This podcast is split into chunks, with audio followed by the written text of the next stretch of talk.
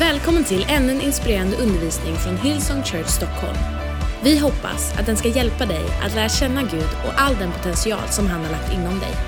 Du vet väl att du alltid är välkommen till våra söndagsmöten? För mer information om Hillsong Church Stockholm, våra möten och för att komma i kontakt med oss, besök gärna vår hemsida, www.hillsong.se.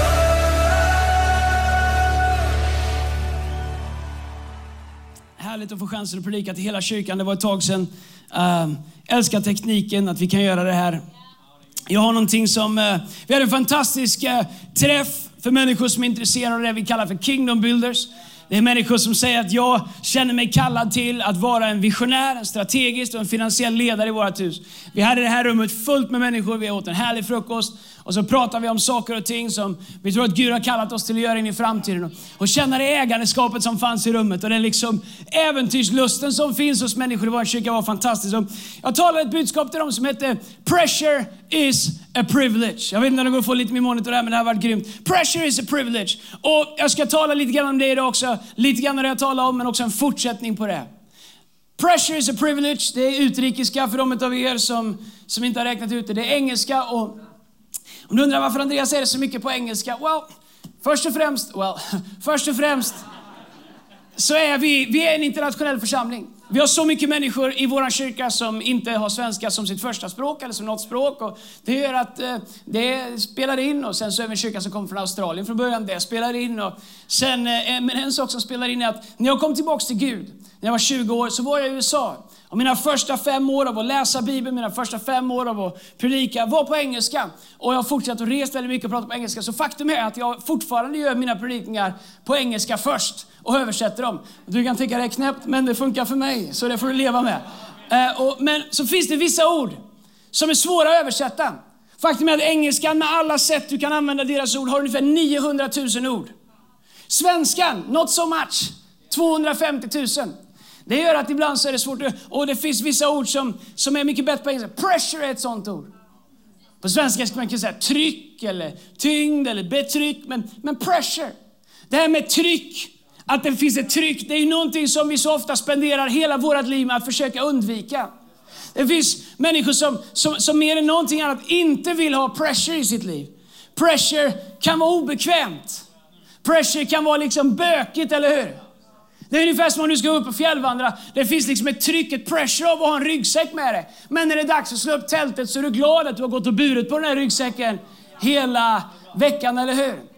Det är ungefär som när, om du kör bil och det, du har ett däck. Ju bättre tryck det är från gummit ner i asfalten, ju bättre grepp kommer du få i asfalten. Och om det inte finns något tryck på däcket mot asfalten så finns det heller inget traction, inget grepp.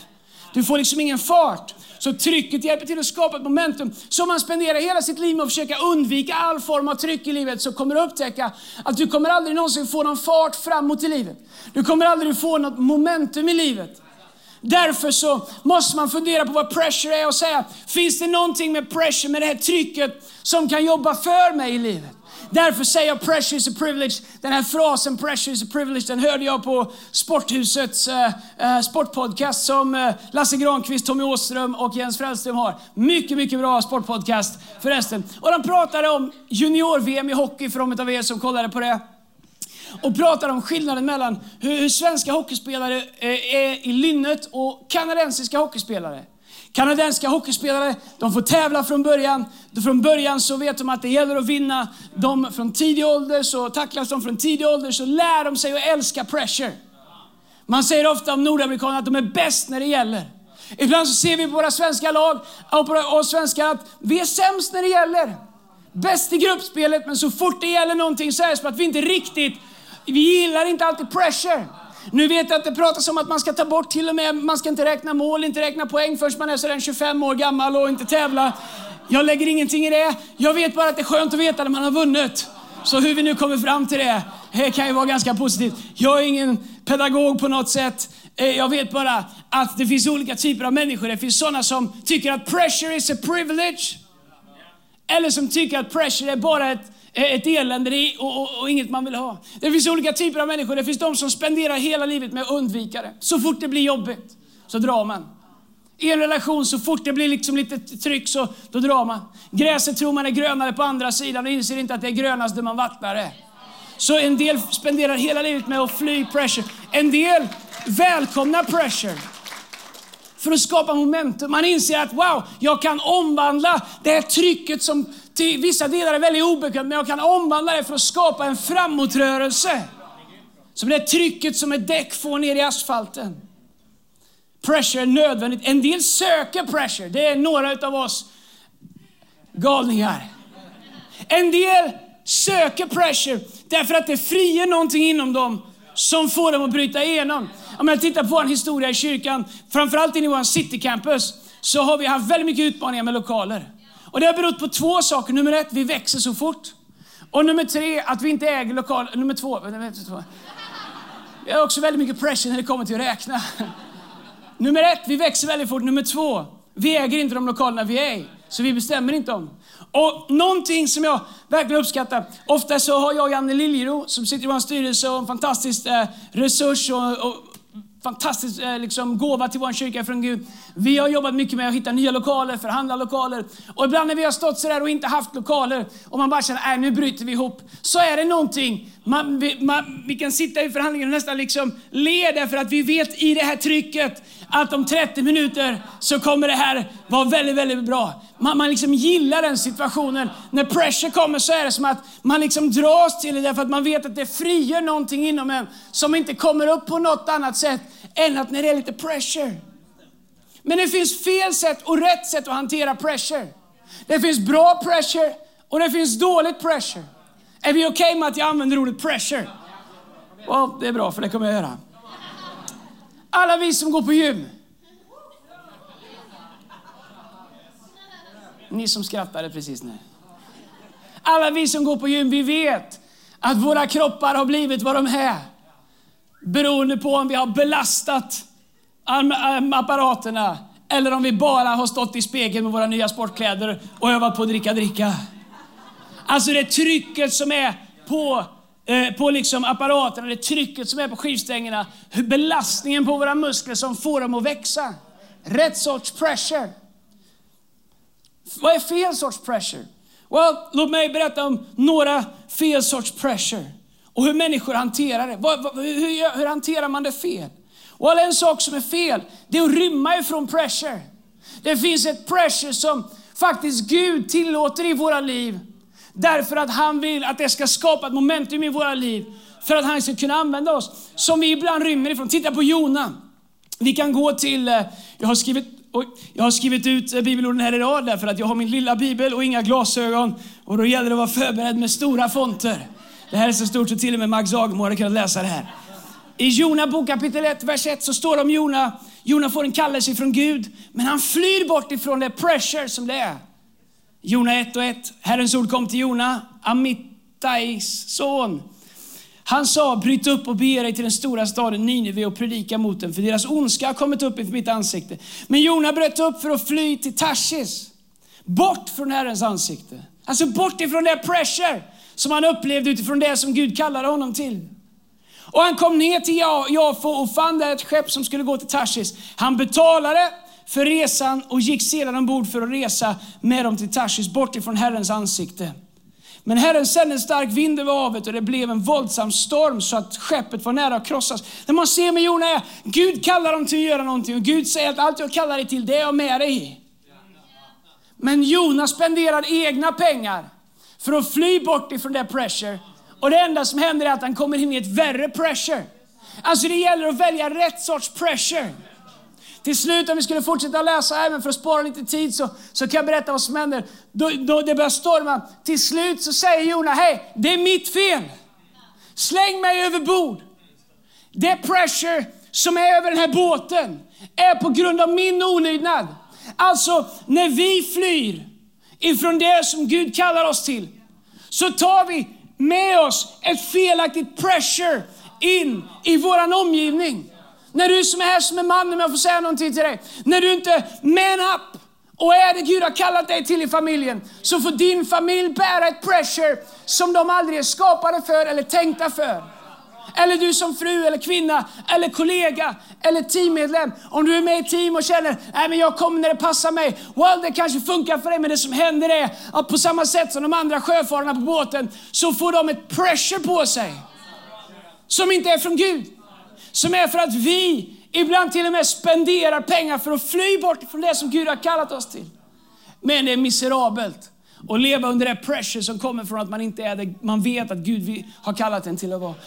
När du är det Gud vill att du ska vara, då finns det en, det finns ett, vi ska prata om det sen, men det finns liksom en kraft till att bära det pressure och det tryck som är på ditt liv. Det är inte alltid enkelt. Men det finns någonting från Gud som gör att det går att bryta igenom. Bibeln säger i allt detta vinner vi en överväldigande seger. I, i allt vad då? I allt som är. Alla utmaningar, alla omständigheter. Men det är bättre att vara under pressure, under tryck, där Gud har kallat oss till att vara. Än att försöka fly bort ifrån det, därför att vi får ingen hjälp med att leva i det tryck som vi skapar i oss själva eller vår egen omgivning. I ditt eget jobb. Om du gör det du ska göra, även om uppgiften är svår, så finns det ett pressure med det. Men det är rätt sak att göra och Gud kommer till och med på ditt jobb välsigna dig för att göra det som är rätt. Men om vi flyr bort ifrån det så kommer det komma ett annat slags pressure. Kanske får du jobba hårdare. Det är som att liksom bygga ett hus och tänka äh, att det är för jobbigt att göra grunden. Det är ingen som kommer se den ändå. Vi slänger ut lite grus här. Vi drar ut lite 816 här och packar ihop det och hoppas att det håller. 816 är sten. Det borde ni veta här ute. Vi är ännu på landet. Fly inte det pressure som kommer från att Gud har kallat dig till att göra någonting. Så en del rymmer från pressure. En del andra, de dumpar pressure på andra. Titta Pontius Pilatus i Matteus kapitel 27, vers 19. Så står det så här. Medan Pilatus satt på domarsätet sände hans hustru bud till honom. Du ska inte ha med den här rättfärdige mannen att göra. I natt var jag svårt plågad i en dröm för hans skull. Men översteprästerna och de äldste övertalade folket och kräva att få Barabbas fri och att Jesus skulle dödas. När ståthållaren frågar dem, vem av de här två vill ni att jag ska frige åt er? Så svarar de Barabbas. Pilatus frågar, men vad ska jag då göra med Jesus som kallas Messias? Alla svarade korsfäst honom. Han frågade vad han gjort för ont. Men de skrek ännu högre, korsfäst honom. Och när Pilatus såg att inget hjälpte utan att oron bara ökade, tog han vatten och tvådde sina händer inför folket och sa, jag är oskyldig till den här mannens blod. Det här får ni själva ta ansvar för. Och Pontus Pilatus hade förmågan att faktiskt bestämma vad som skulle ske. Jag tror att det här var en del av Guds masterplan. Men om vi tittar på bara Pontus Pilatus det Pontus Pilatus gör är att han dumpar pressuret av att fatta beslutet på andra människor. När du och jag inte fattar de beslut, vi tar de åtgärder som vi borde göra i våra liv. Så det enda vi gör är att vi skjuter över det på andra människor som vare sig är rustade eller kallade eller skickliggjorda för att bära det. När vi som föräldrar skjuter ifrån oss ansvaret av att faktiskt vara föräldrar så lägger vi den bördan på våra barn som inte är, är liksom mogna eller rustade för att vara det. När vi inte säger att vi är beredda att ta det pressure som det innebär att vara, och vara liksom lite, sätta ramar, sätta gränser, liksom fostra och uppmuntra. När vi liksom, äh, men det är mycket enklare. Kör Coca-Cola, chips och godis alla dagar i veckan så slipper vi åtminstone bråket. Du slipper bråket, men du kommer få andra problem. När du tittar på ditt liv är pressure någonting som du försöker dumpa på andra? Kanske du som är med här i team. Den börda, det pressure som det är varje söndag att genomföra det. Är du en sån som säger, vet du vad? Jag är beredd att ta min del. Eller är du en sån som skjuter över det på övriga teamet och säger, ni ska vara glada att jag är här. Hoppas ni har en plan eller tänker att det här får min ledare ta hand om. Eller när, när, du tänker på din connect-grupp, när du tänker på din arbetsplats. När du tänker på, på liksom ditt hem. När du tänker på liksom den vardag som är din. Är du en sån som dumpar pressure på andra eller är du en sån som säger, vet du vad? De här axlarna, de är rustade för att bära det pressure som tillhör de här axlarna. Jag skulle vilja säga att så mycket i vårt samhälle, och jag är väl ingen större samhällsanalytiker, så mycket vårt samhälle är vad det är. Därför att så många dumpar pressure på andra människor. Och hellre liksom kommenterar hur det borde vara. Men vad skulle hända om fler människor bestämde sig för att ställa, upp, ställa sig upp och säga, vet du vad? Jag kan vara skillnaden.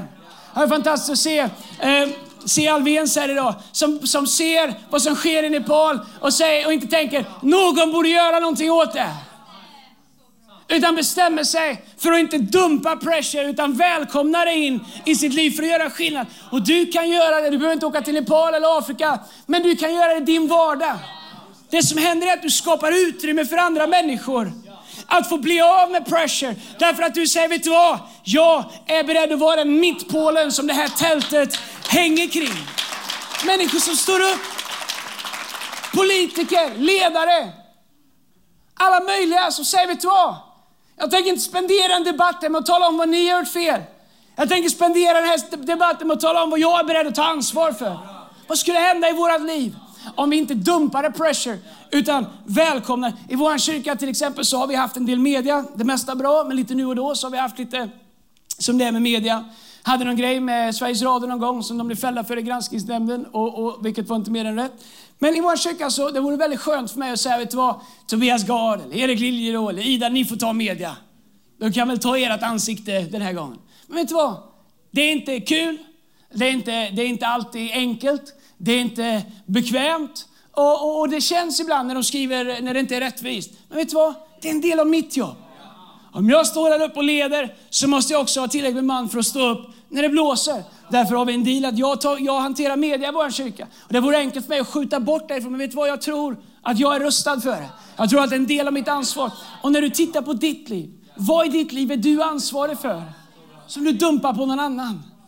Du kan sätta andra människor fria genom att ta ansvar för det som Gud har kallat dig till att bära. Så en del rymmer från pressure, en del dumpar det på andra. En del försöker hantera pressure i egen kraft. Det är det som är så fantastiskt med att känna Jesus. Att han säger att vi ska få kraft när den helige Ande kommer över oss till att vara hans vittnen. Vad betyder det? Att vi bara ska få kraft till att gå ut och dela ut traktat. Och när vi inte är ute och delar ut traktat eller står utanför Ica och sjunger Jesus, han är svaret och alla andra går förbi och undrar vad är frågan. Om det bara är då vi ska få kraft, eller när ska vi få kraft? Du ska få kraft till att leva det liv som du är kallad till. Men du förstår, kraften finns bara i det som du är kallad till. Din kraft finns inte att försöka bli någon annan. Den kraft finns för dem som är kallade till det.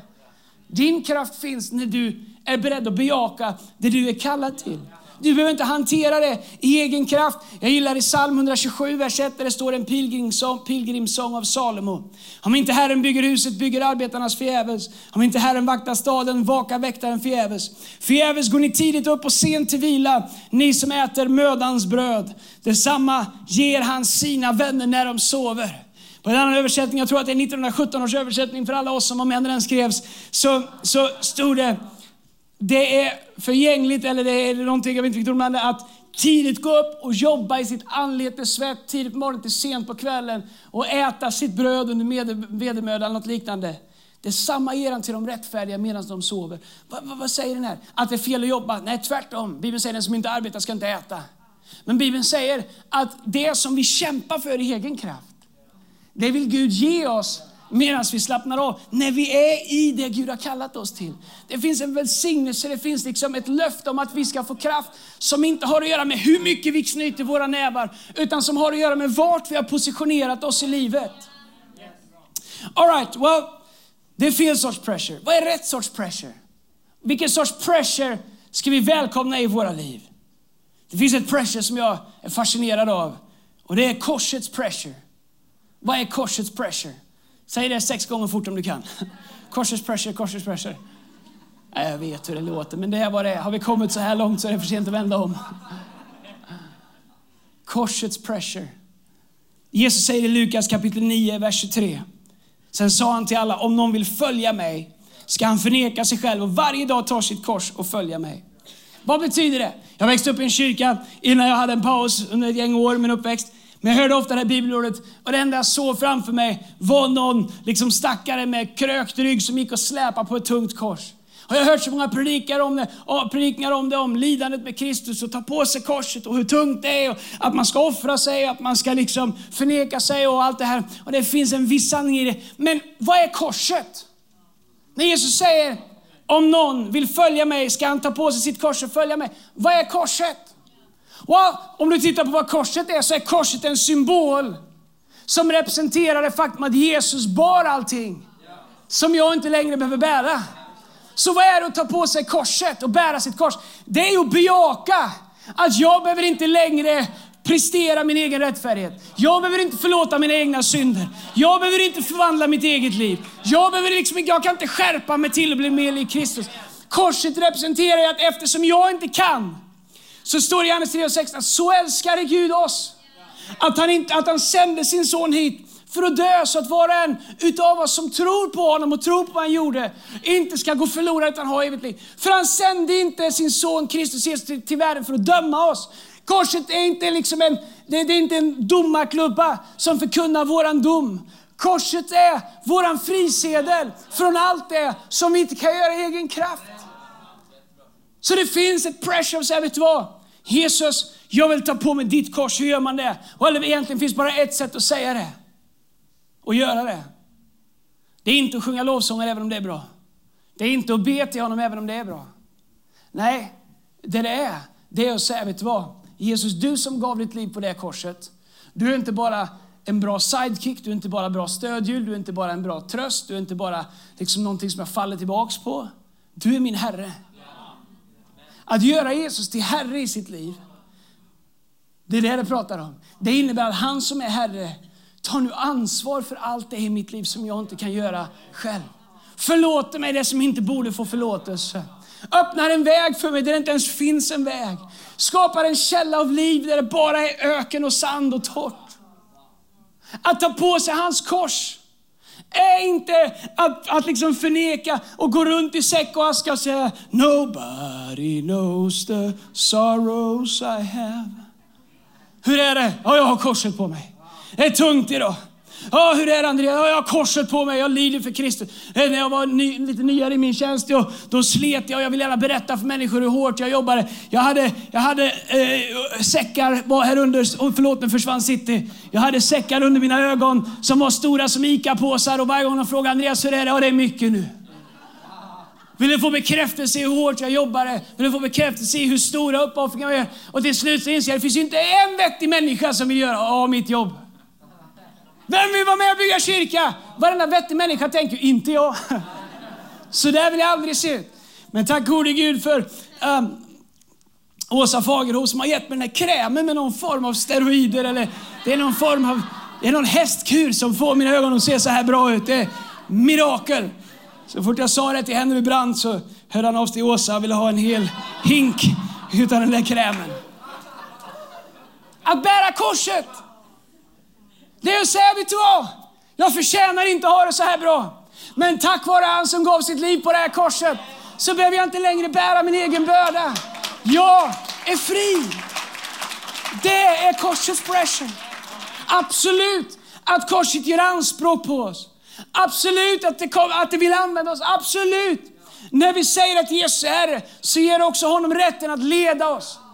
Det ger honom herravälde över våra liv, vår tid, våra ägodelar, vårt förflutna, vem vi vill förlåta och inte. Allt som vi har gör vi honom herre till. Men han säger, det är lätt att bära. Och han säger att korset är inte först och främst en symbol på Kristi lidande, det är en symbol på hans uppståndelse. Därför att korset är tomt.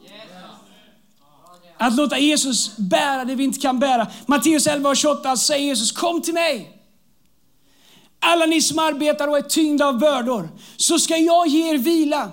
Och här pratar de om att ta på sig. Ta på er mitt ok och lär av mig. För jag är sträng och jag är hård i hjärtat. Och ni ska aldrig finna ro för era själar. Ni ska skärpa er och ni ska veta hut. Och ni vet att ni kan göra bättre ifrån er. Och du som är här idag som inte varit på fyra gånger, du borde ha dåligt samvete istället för att känna vad skönt att vara tillbaks. Det är inte det han säger. Tvärtom. Så säger han, ta på er mitt ok och lär av mig, för jag är mild. Du som sitter här och undrar vad Gud egentligen tycker om dig. Han är mild. Han är för dig. Du som tycker att du inte platsar. Oh, välkommen, du är helt rätt kyrka. Vi hade en som platsade och han kände sig inte hemma så han har dratt. Resten av oss, vi inser att vi platsar inte. Det är därför vi behöver ta på oss hans kors och känna Jesus, du är vad vi aldrig kan bli. Det är därför vi bekänner dig som Herre i våra liv. Så säger han, jag är ödmjuk i hjärtat. Då ska ni finna ro för era själar. För mitt ok är milt och min börda är lätt. Mitt ok är milt och min börda är lätt. Vad säger han? Börda, ett annat ord för pressure. Han säger mitt pressure är lätt. Men Andreas, det känns inte alltid lätt. Och jag lovar dig att det är mycket tyngre att leva i ditt eget pressure. Därför måste vi gå och bestämma oss varje dag vilket ok ska jag bära. Ska jag bära oket av mina egna ansträngningar? Ska jag bära oket av den oförlåtelse som jag håller fast i mot vad någon har gjort mig? Ska jag bära på oket av mitt förflutna? Ska jag bära på oket av att jag ser brist i människors liv? Ska jag bära på oket av, vilket, vilket ok ska du bära? Jesus säger, ta mitt ok. Ett ok av förlåtelse, ett ok av rättfärdighet, ett ok av helande, ett, ett ok av, en, av nya chanser. Ett ok av att han aldrig ger upp på oss. Ett ok där han säger att om du faller sju gånger så res dig upp ändå. Och han säger om du gör en bädd ända ner i helvetet, då är jag där. Om du åker upp till himlen, då är jag där. Inte, ingenstans kan vi fly undan hans närvaro. Hans kärleksfulla armar är så långa, så hur långt du än har sprungit, så är hans famn så varm och så stor att han kan omfamna dig och bära dig hem ändå. Hans ok är mild. Ibland frustrerande att se underbart fina kristna människor som liksom kämpar med att ge upp inför Gud och istället kämpa med att bära sitt eget ok. Ja, men jag var med någon annanstans och jag var med, jag gick en annanstans och det var i en kyrka, det var inte bra och nu vet jag inte. Well, det, oket kommer inte ta dig någonstans. Ja, jag dejtade någon innan och hon sa att hon var så snäll och sen så när vi dejtat tre gånger så fick jag se hur hon verkligen var. Jag kommer aldrig dejta men jag har dejtat tio tjejer och inget funkade. Jag har gett upp på tjejer. Well, kan jag säga vad den enda gemensamma nämnaren var i alla de tio relationerna? Just saying. Vilket ok har du tagit på dig? När jag ville vara lovsångsledare en gång, jag ansökte, jag kan visserligen inte sjunga men alla borde få vara med. Jag känner mig missförstådd. Well, du är inte missförstådd, du kan bara inte sjunga. Du är helt förstådd. Kasta av dig det oket. Jag var med i en connect-grupp och då var det någon som, som behandlar mig illa och trampar mig på min stortå, en av alla 20, jag menar min stortå. Och, och nu vill jag aldrig mer vara med i en connect. Well, ska du verkligen bära det oket resten av ditt liv?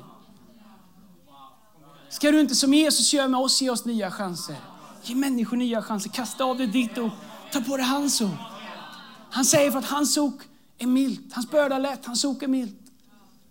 Och att han säger att det finns en ro i hans ok.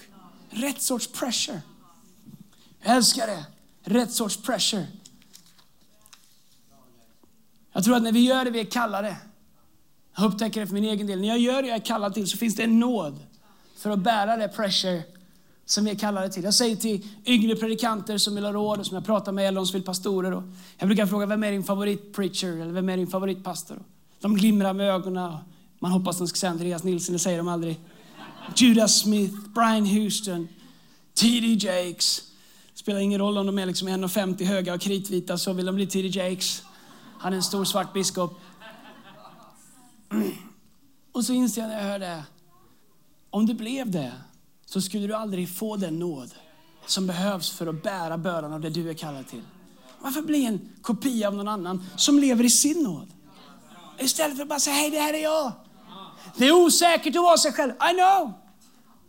Det är mycket bättre att gömma sig bakom någon annan. Köra sitt game, låta som någon annan, lära sig andra skämt, till göra massa olika saker. Eller om du är chef eller vad du än är, du försöker vara någon annan förälder. Du ser liksom Dr. Robbie kommer hit med ett sånt där himla A-barn som sitter tyst hela tiden och tittar på och säger liksom, man tänker bara gode gud, vad gick det fel hos oss? Var hamnade vi? Nej, hej! Vi gör vårt bästa utifrån vad vi är kallade till. Det här är de barnen vi är kallade till att förvalta och uppfostra och vi gör vårt bästa med det. Vad den du är, därför att det finns en nåd ifrån Gud som är kopplad till när du bejakar den Gud har skapat dig till att vara. Men så fort du försöker springa någon annans bana så det finns ingen nåd från Gud för det pressuret. Guds nåd är kopplad till hans vilja för dig. Och även om du tycker att det inte är någonting jämfört med andra så är det mycket bättre att ha det än att försöka kopiera någon annan. För de är graced eller benådade för deras lopp och du är benådad för att löpa ditt lopp. Så det första är korsets, eh, vad sa vi att det var? Korsets pressure. Och det sista som jag ska prata om, rätt sorts pressure, det är pressure från att låta Gud skapa i oss det vi är satta på jorden för att göra. Men prata om det en liten stund. Ett frö, jag kan säga direkt att jag, och, och utan att löpa risk att få för mycket själv, kan säga att vare sig jag och Lina är några, har några supergröna fingrar. Ehm, jag kan säga att Lina eh, gav upp och köpte nya växter i veckan. Men eh, whatever it takes. Vi är bra på annat, men eh, i don't know, det måste vara med luften. Det växer inte som det ska. Plastblommor funkar i alla väder, men det ska vara levande säger de. Det bidrar med någon syra eller grej. Jag vet inte vad det är med det. Med mig så mycket, jag har jobbat så mycket på gård i alla fall. Jag har varit med och plogat, jag har varit med och harvat, plogat, sått, skördat, strängat, pressat, rullat in rumbalar. Jag har varit med i hela processen från frö till limpa och sett hur det går till. Jag är fullt medveten om hur det går till. Faktum är att en av de vanligaste liknelser som Jesus använder när han pratar om exakt det här är liknelsen av ett frö. Och, och anledningen att han pratar om ett frö är att ett frö har så stor potential som våra liv. Ett frö kommer inkapslat i, en sjukt hård ska, i ett sjukt hårt skal. Innanför skalet så finns potentialen. Skalet är där för att skydda potentialen. Så är det i våra liv också. Inom oss så finns det en stor potential. Bibeln säger att, eh, att eh, eh i eh, psalm 139, vers 13 så står det så här. Eh, du har skapat mina njurar, du vävde mig i moderlivet. Jag tackar dig för att jag är så underbart skapad. Underbara är dina verk. Min själ vet det så väl. Benen i min kropp var inte osynliga för dig när jag formades i det fördolda, när jag bildades i jordens djup. Kolla här, du såg mina ögon. Eh, förlåt, dina ögon såg mig när jag bara var ett foster. Alla mina dagar blir skrivna i din bok. Du formade innan någon av dem hade kommit. Hur ofattbara är inte dina tankar för mig Gud? Hur väldiga är inte deras mångfald? Räknar de med de fler än sandkornen och när jag vaknar är jag kvar hos dig. Så psalmisten skriver att, att Gud la i skapelseögonblicket en potential i våra liv. På samma sätt som ett frö har potential inom sig. Det finns människor i din närhet vars mirakel kommer av att du maximerar den potential som ligger i ditt liv. Om våra liv, våran kropp, det vi gör är som skalet för den potential som Gud har lagt i våra liv. Nästa generations välsignelse. Jag pratade en tidigare om vårt ansvar för nästa generation. Våra, nästa generations välsignelse är avgörande och beror helt på vad vi gör med det som Gud har lagt i våra händer. Men tänk vilken kondition kyrkan skulle varit i om varje generation så som sin viktigaste uppgift att ta ansvar för nästa generation.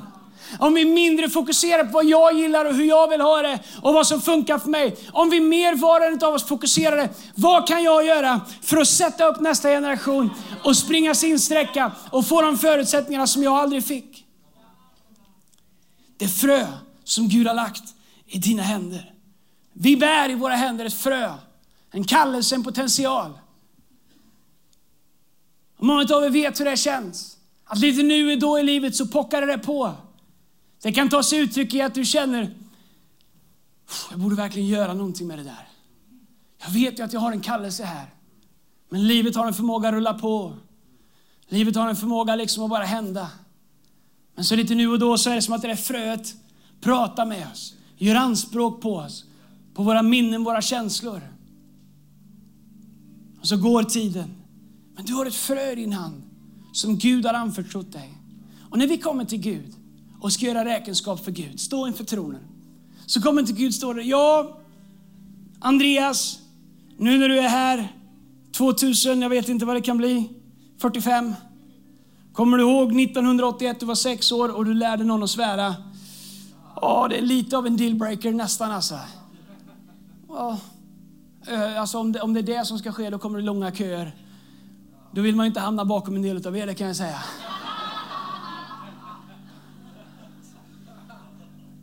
Men se, jag tror inte att det är först och främst det vi kommer göra räkenskap för. Eller jag vet att det inte är det. Vi kommer göra räkenskap för det frö som Gud la i våra händer. Och Jesus kommer säga, precis som berättelsen om talenterna, vad gjorde du med det jag gav dig? Inte varför hade du en dålig dag, varför blev det fel, varför föll du? Men vad gjorde du med det jag gav dig? Så vad gör vi med det Gud har gett oss? Det är frö. Wow. Potentialen av fröet är helt beroende av vad vi gör med det. Nämligen den jordmån som vi stoppar fröet i. Vart du planterar det. Ibland så är det underdrivet vikten av den lokala församlingen. Kanske det som har försvunnit mest i västvärldens kristenhet är uppenbarelsen och kraften i den lokala församlingen. Där man tänker att det går lika bra att vara kristen ändå. Jag kan göra det. Det är mest hur man lever, det är mest hur man tar sig uttryck. Well, det kanske känns bra att säga så, men det är inte så enligt Bibeln. Det finns inget riktigt sätt att, att liksom förvalta sitt frö utan att plantera det inte planterade i ett projekt, inte planterade i liksom, eh, liksom en åsikt, inte planterade i liksom lite goda gärningar. Du måste plantera det i kontext. Och Bibeln är väldigt noga med hur det är. I psalm 92, vers 13, Lina citerade tidigare, så står det i den engelska översättningen Those who are planted in the house of the Lord shall flourish in the courts of our God. Det står att de som är planterade i Guds hus kommer blomstra i Guds gårdar, kommer blomstra i Guds hus. Vart är man planterad? I en lokal församling. Men jag är med i den stora universella församlingen. Well, det finns ingenting i Bibeln om det. Det står om att de träffades. Var träffas man? Well, då är det någonstans. När de träffades hade alla någonting att erbjuda. De träffades enträget i hemmen varje dag och de bad och de fastade och de åt och folk i allmänhet säger, Apostlagärningarna kapitel 2, uh, eh, liksom, uh, people in general liked what they saw, the message. Jag älskar det. Det var någonting, det var på en plats, det var en kontext. Om du inte har tagit ditt frö, om du är oss som är troende och planterat ditt liv i en lokal församling och sagt, vet du vad, jag är här, jag är med, jag inser att den inte är perfekt, men det är ändå Guds plan. Om du har kommit till Hillsong ett tag, vare sig du är i city eller norra, du har besökt oss, du tycker det här är bra, men du har liksom inte tagit klivet in och sagt, vet du vad, jag vill vara med. Hur är man med? Hur planterar man sitt frö? Kanske kommer du hit och du är välkommen hur du än kommer, men med ditt frö i handen. Kanske går du runt med ditt frö och hoppas att det ska skvätta på det. Du måste plantera det någonstans. Det måste ner i jorden någonstans. Varför måste det ner i jorden? Därför att ingens gåva som Gud har gett är frikopplad från Guds hus. kan läsa om det, hur våra gåvor är till för att bygga upp de heliga, hur de är till för att skickliggöra varandra, hur mina gåvor kan hjälpa dig att bli det, det, du har kallat till och hur dina gåvor hjälper mig att bli det jag har kallat till. Det, det finns en plan från Gud att allt vad vi bidrar med till Guds hus ska, ska hjälpa till att förlösa och förverkliga det vi allihopa är kallade av. Men om du inte är där så är en del av Guds plan för att vi andra ska bli vad vi har potential att bli. En del av den planen är borta.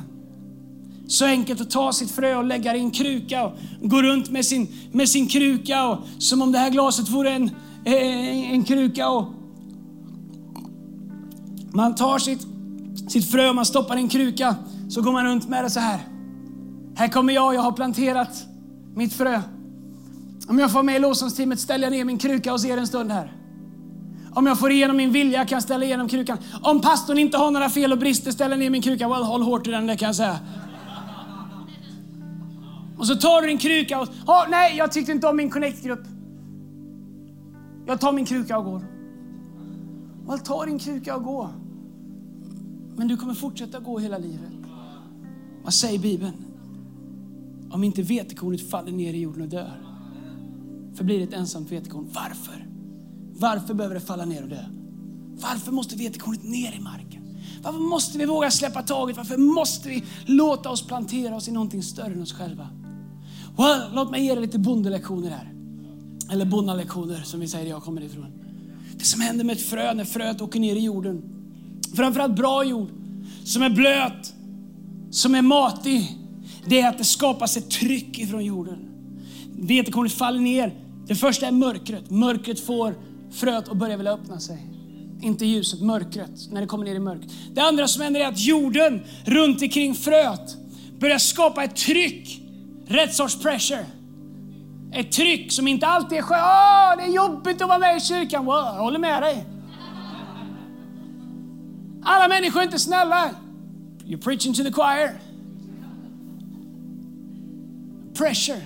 Åh, nu vill de att jag ska vara med i team också. Pressure. Åh, Jesus utmanar mig att gå och förlåta en annan broder i den connect-gruppen som jag... Pressure. Pressure, pressure, pressure, pressure, pressure. Samma som jorden gör på fröet. Pressure, pressure, pressure, pressure, pressure. Men vet vad det trycket gör? Det är det trycket som till slut får skalet att öppna sig. Så att potentialen kan komma ut. Spelar ingen roll vad som finns inne i ett frö så länge skalet inte har öppnat sig. Skalet kommer aldrig öppna sig på marken kommer aldrig öppna alltså, sig så länge du har det i en liten, liten, liten kruka eller så länge du har det på eh, liksom en hylla. Det kommer öppna sig när du begraver det, när du släpper taget om det. Säg, vet du vad? Nu lever inte längre jag, utan Kristus lever i mig. Du är planterad, du ger dig till någonting. Du ger dig till en kontext, du ger, planterar dig i Guds hus. Det är det Bibeln säger, den som är planterad i Guds hus kommer alltid att blomstra. Du kommer uppleva pressure, men det är rätt sorts pressure. Det är det pressuret som gör att du känner, åh Gud, hur är det möjligt? Vad är det som händer? Så helt plötsligt börjar du känna att ah, det knakar. Det gör ont, det är inte skönt. Det gör ont när knoppar brister. Den mätta dagen. Och till slut så känner du, ah, bökigt, ont. Så börjar någonting växa. Och det som växer där exakt vad de behöver. Som kom in i vår kyrka med frågan Gud, är det här en plats där du kan möta mina behov? Exakt den platsen växer den potentialen. Men om inte vetekornet faller ner i jorden och dör förblir det ett ensamt vetekorn. Oanvändbart. Värdelöst till slut. Rätt sorts pressure. Det är pressure som kommer ifrån Gud. Mitt ok är milt, min börda är lätt, säger Herren. Amen. Sista är uthållighet, rätt sorts pressure, uthållighet. Att inte ge upp när pressen håller på att öppna skalet. I Bibelbrevet 10 och 36 så står det, ni behöver uthållighet för att göra Guds vilja och få vad han har lovat. Det står inte, du behöver feeling för att göra, för, för att göra Guds vilja. Du behöver inspiration. Wow, det är skönt att vara inspirerad ibland. Men du behöver inte inspiration för att göra det Gud har lovat. För att få det Gud har lovat. Du behöver uthållighet. Låta tiden få gå, lita på Gud. Inte jag, jag stoppar ner, jag kom hit till kyrkan för två veckor sedan och jag sa jag vill göra det här. Jag stoppar ner mitt frö, jag väntar på att få eh, plattformen och få en inbjudan eller få det, få göra min röst hörd. Jag har inte hänt på två veckor, jag gräver upp mitt frö och så går jag, well, det kommer, inte, kommer aldrig växa. Vi behöver uthållighet för att göra Guds vilja. Vi behöver uthållighet för att göra Guds vilja. Vi behöver göra resan tillsammans för att se Guds vilja för vår kyrka. Vår kyrka är också som ett frö. Det håller också på att växa. Tack gode Gud att vi inte är, är som vi brukar vara. Vi mognar, vi växer, vi lär oss. Faktum är att någon som lämnade vår kyrka för fyra år sedan tänker Andreas, det, det här är inte bra. Well, jag håller med dig. Men nu har vi vuxit in i det. Och de är borta. Tänk om de bara hade stannat kvar. Och låtit processen av sin gång, låtit uthålligheten få göra det uthålligheten gör så länge fröet är planterat på rätt ställe så kommer potentialen komma fram. Du har potential. Det finns en plan med ditt liv. Det finns en mening med ditt liv. Vad gör du med ditt frö? Men när du förstår potentialen i det pressure som finns för att se din potential komma fram så inser du att pressure is a privilege, vilket är titeln på den här predikan. Men när du inser, Gud om jag ska göra allt vad du har kallat mig till, då måste jag kunna gå igenom eld ibland. Då måste jag lita på dig när det blåser. Då måste jag bestämma mig för att pressure is a privilege. Pressure ger mig momentum så länge jag har planterat mitt frö i rätt jord. Om du har planterat ditt frö i rätt jord så är pressure a privilege. Därför att större är han som är i dig än allt som kommer emot dig. Han som har startat ett gott verk i dig, han är mäktig och trofast och fullbordare. Han säger, jag ska aldrig lämna dig, jag ska aldrig överge dig, inget kan skilja dig från min kärlek. Han är med dig. Och han sa aldrig att det skulle vara lätt, men han sa att det är värt det. I Jesu namn ska vi stå upp tillsammans allihopa, både i city och här i norra. Så ska jag be en bön. Lovsångsteamet kan komma fram. Tack för att du har lyssnat. Om du vill veta mer om Hillsong och mer om vem Gud är, kontakta oss gärna. Eller gå in på www.hillsong.se. Och kom ihåg, du är alltid välkommen till våra gudstjänster. Om du vill ha mer information och uppdateringar av pastor Andreas Nilsen, följ honom på Twitter, Instagram och Facebook där hans användarnamn är Andreas Nilsson.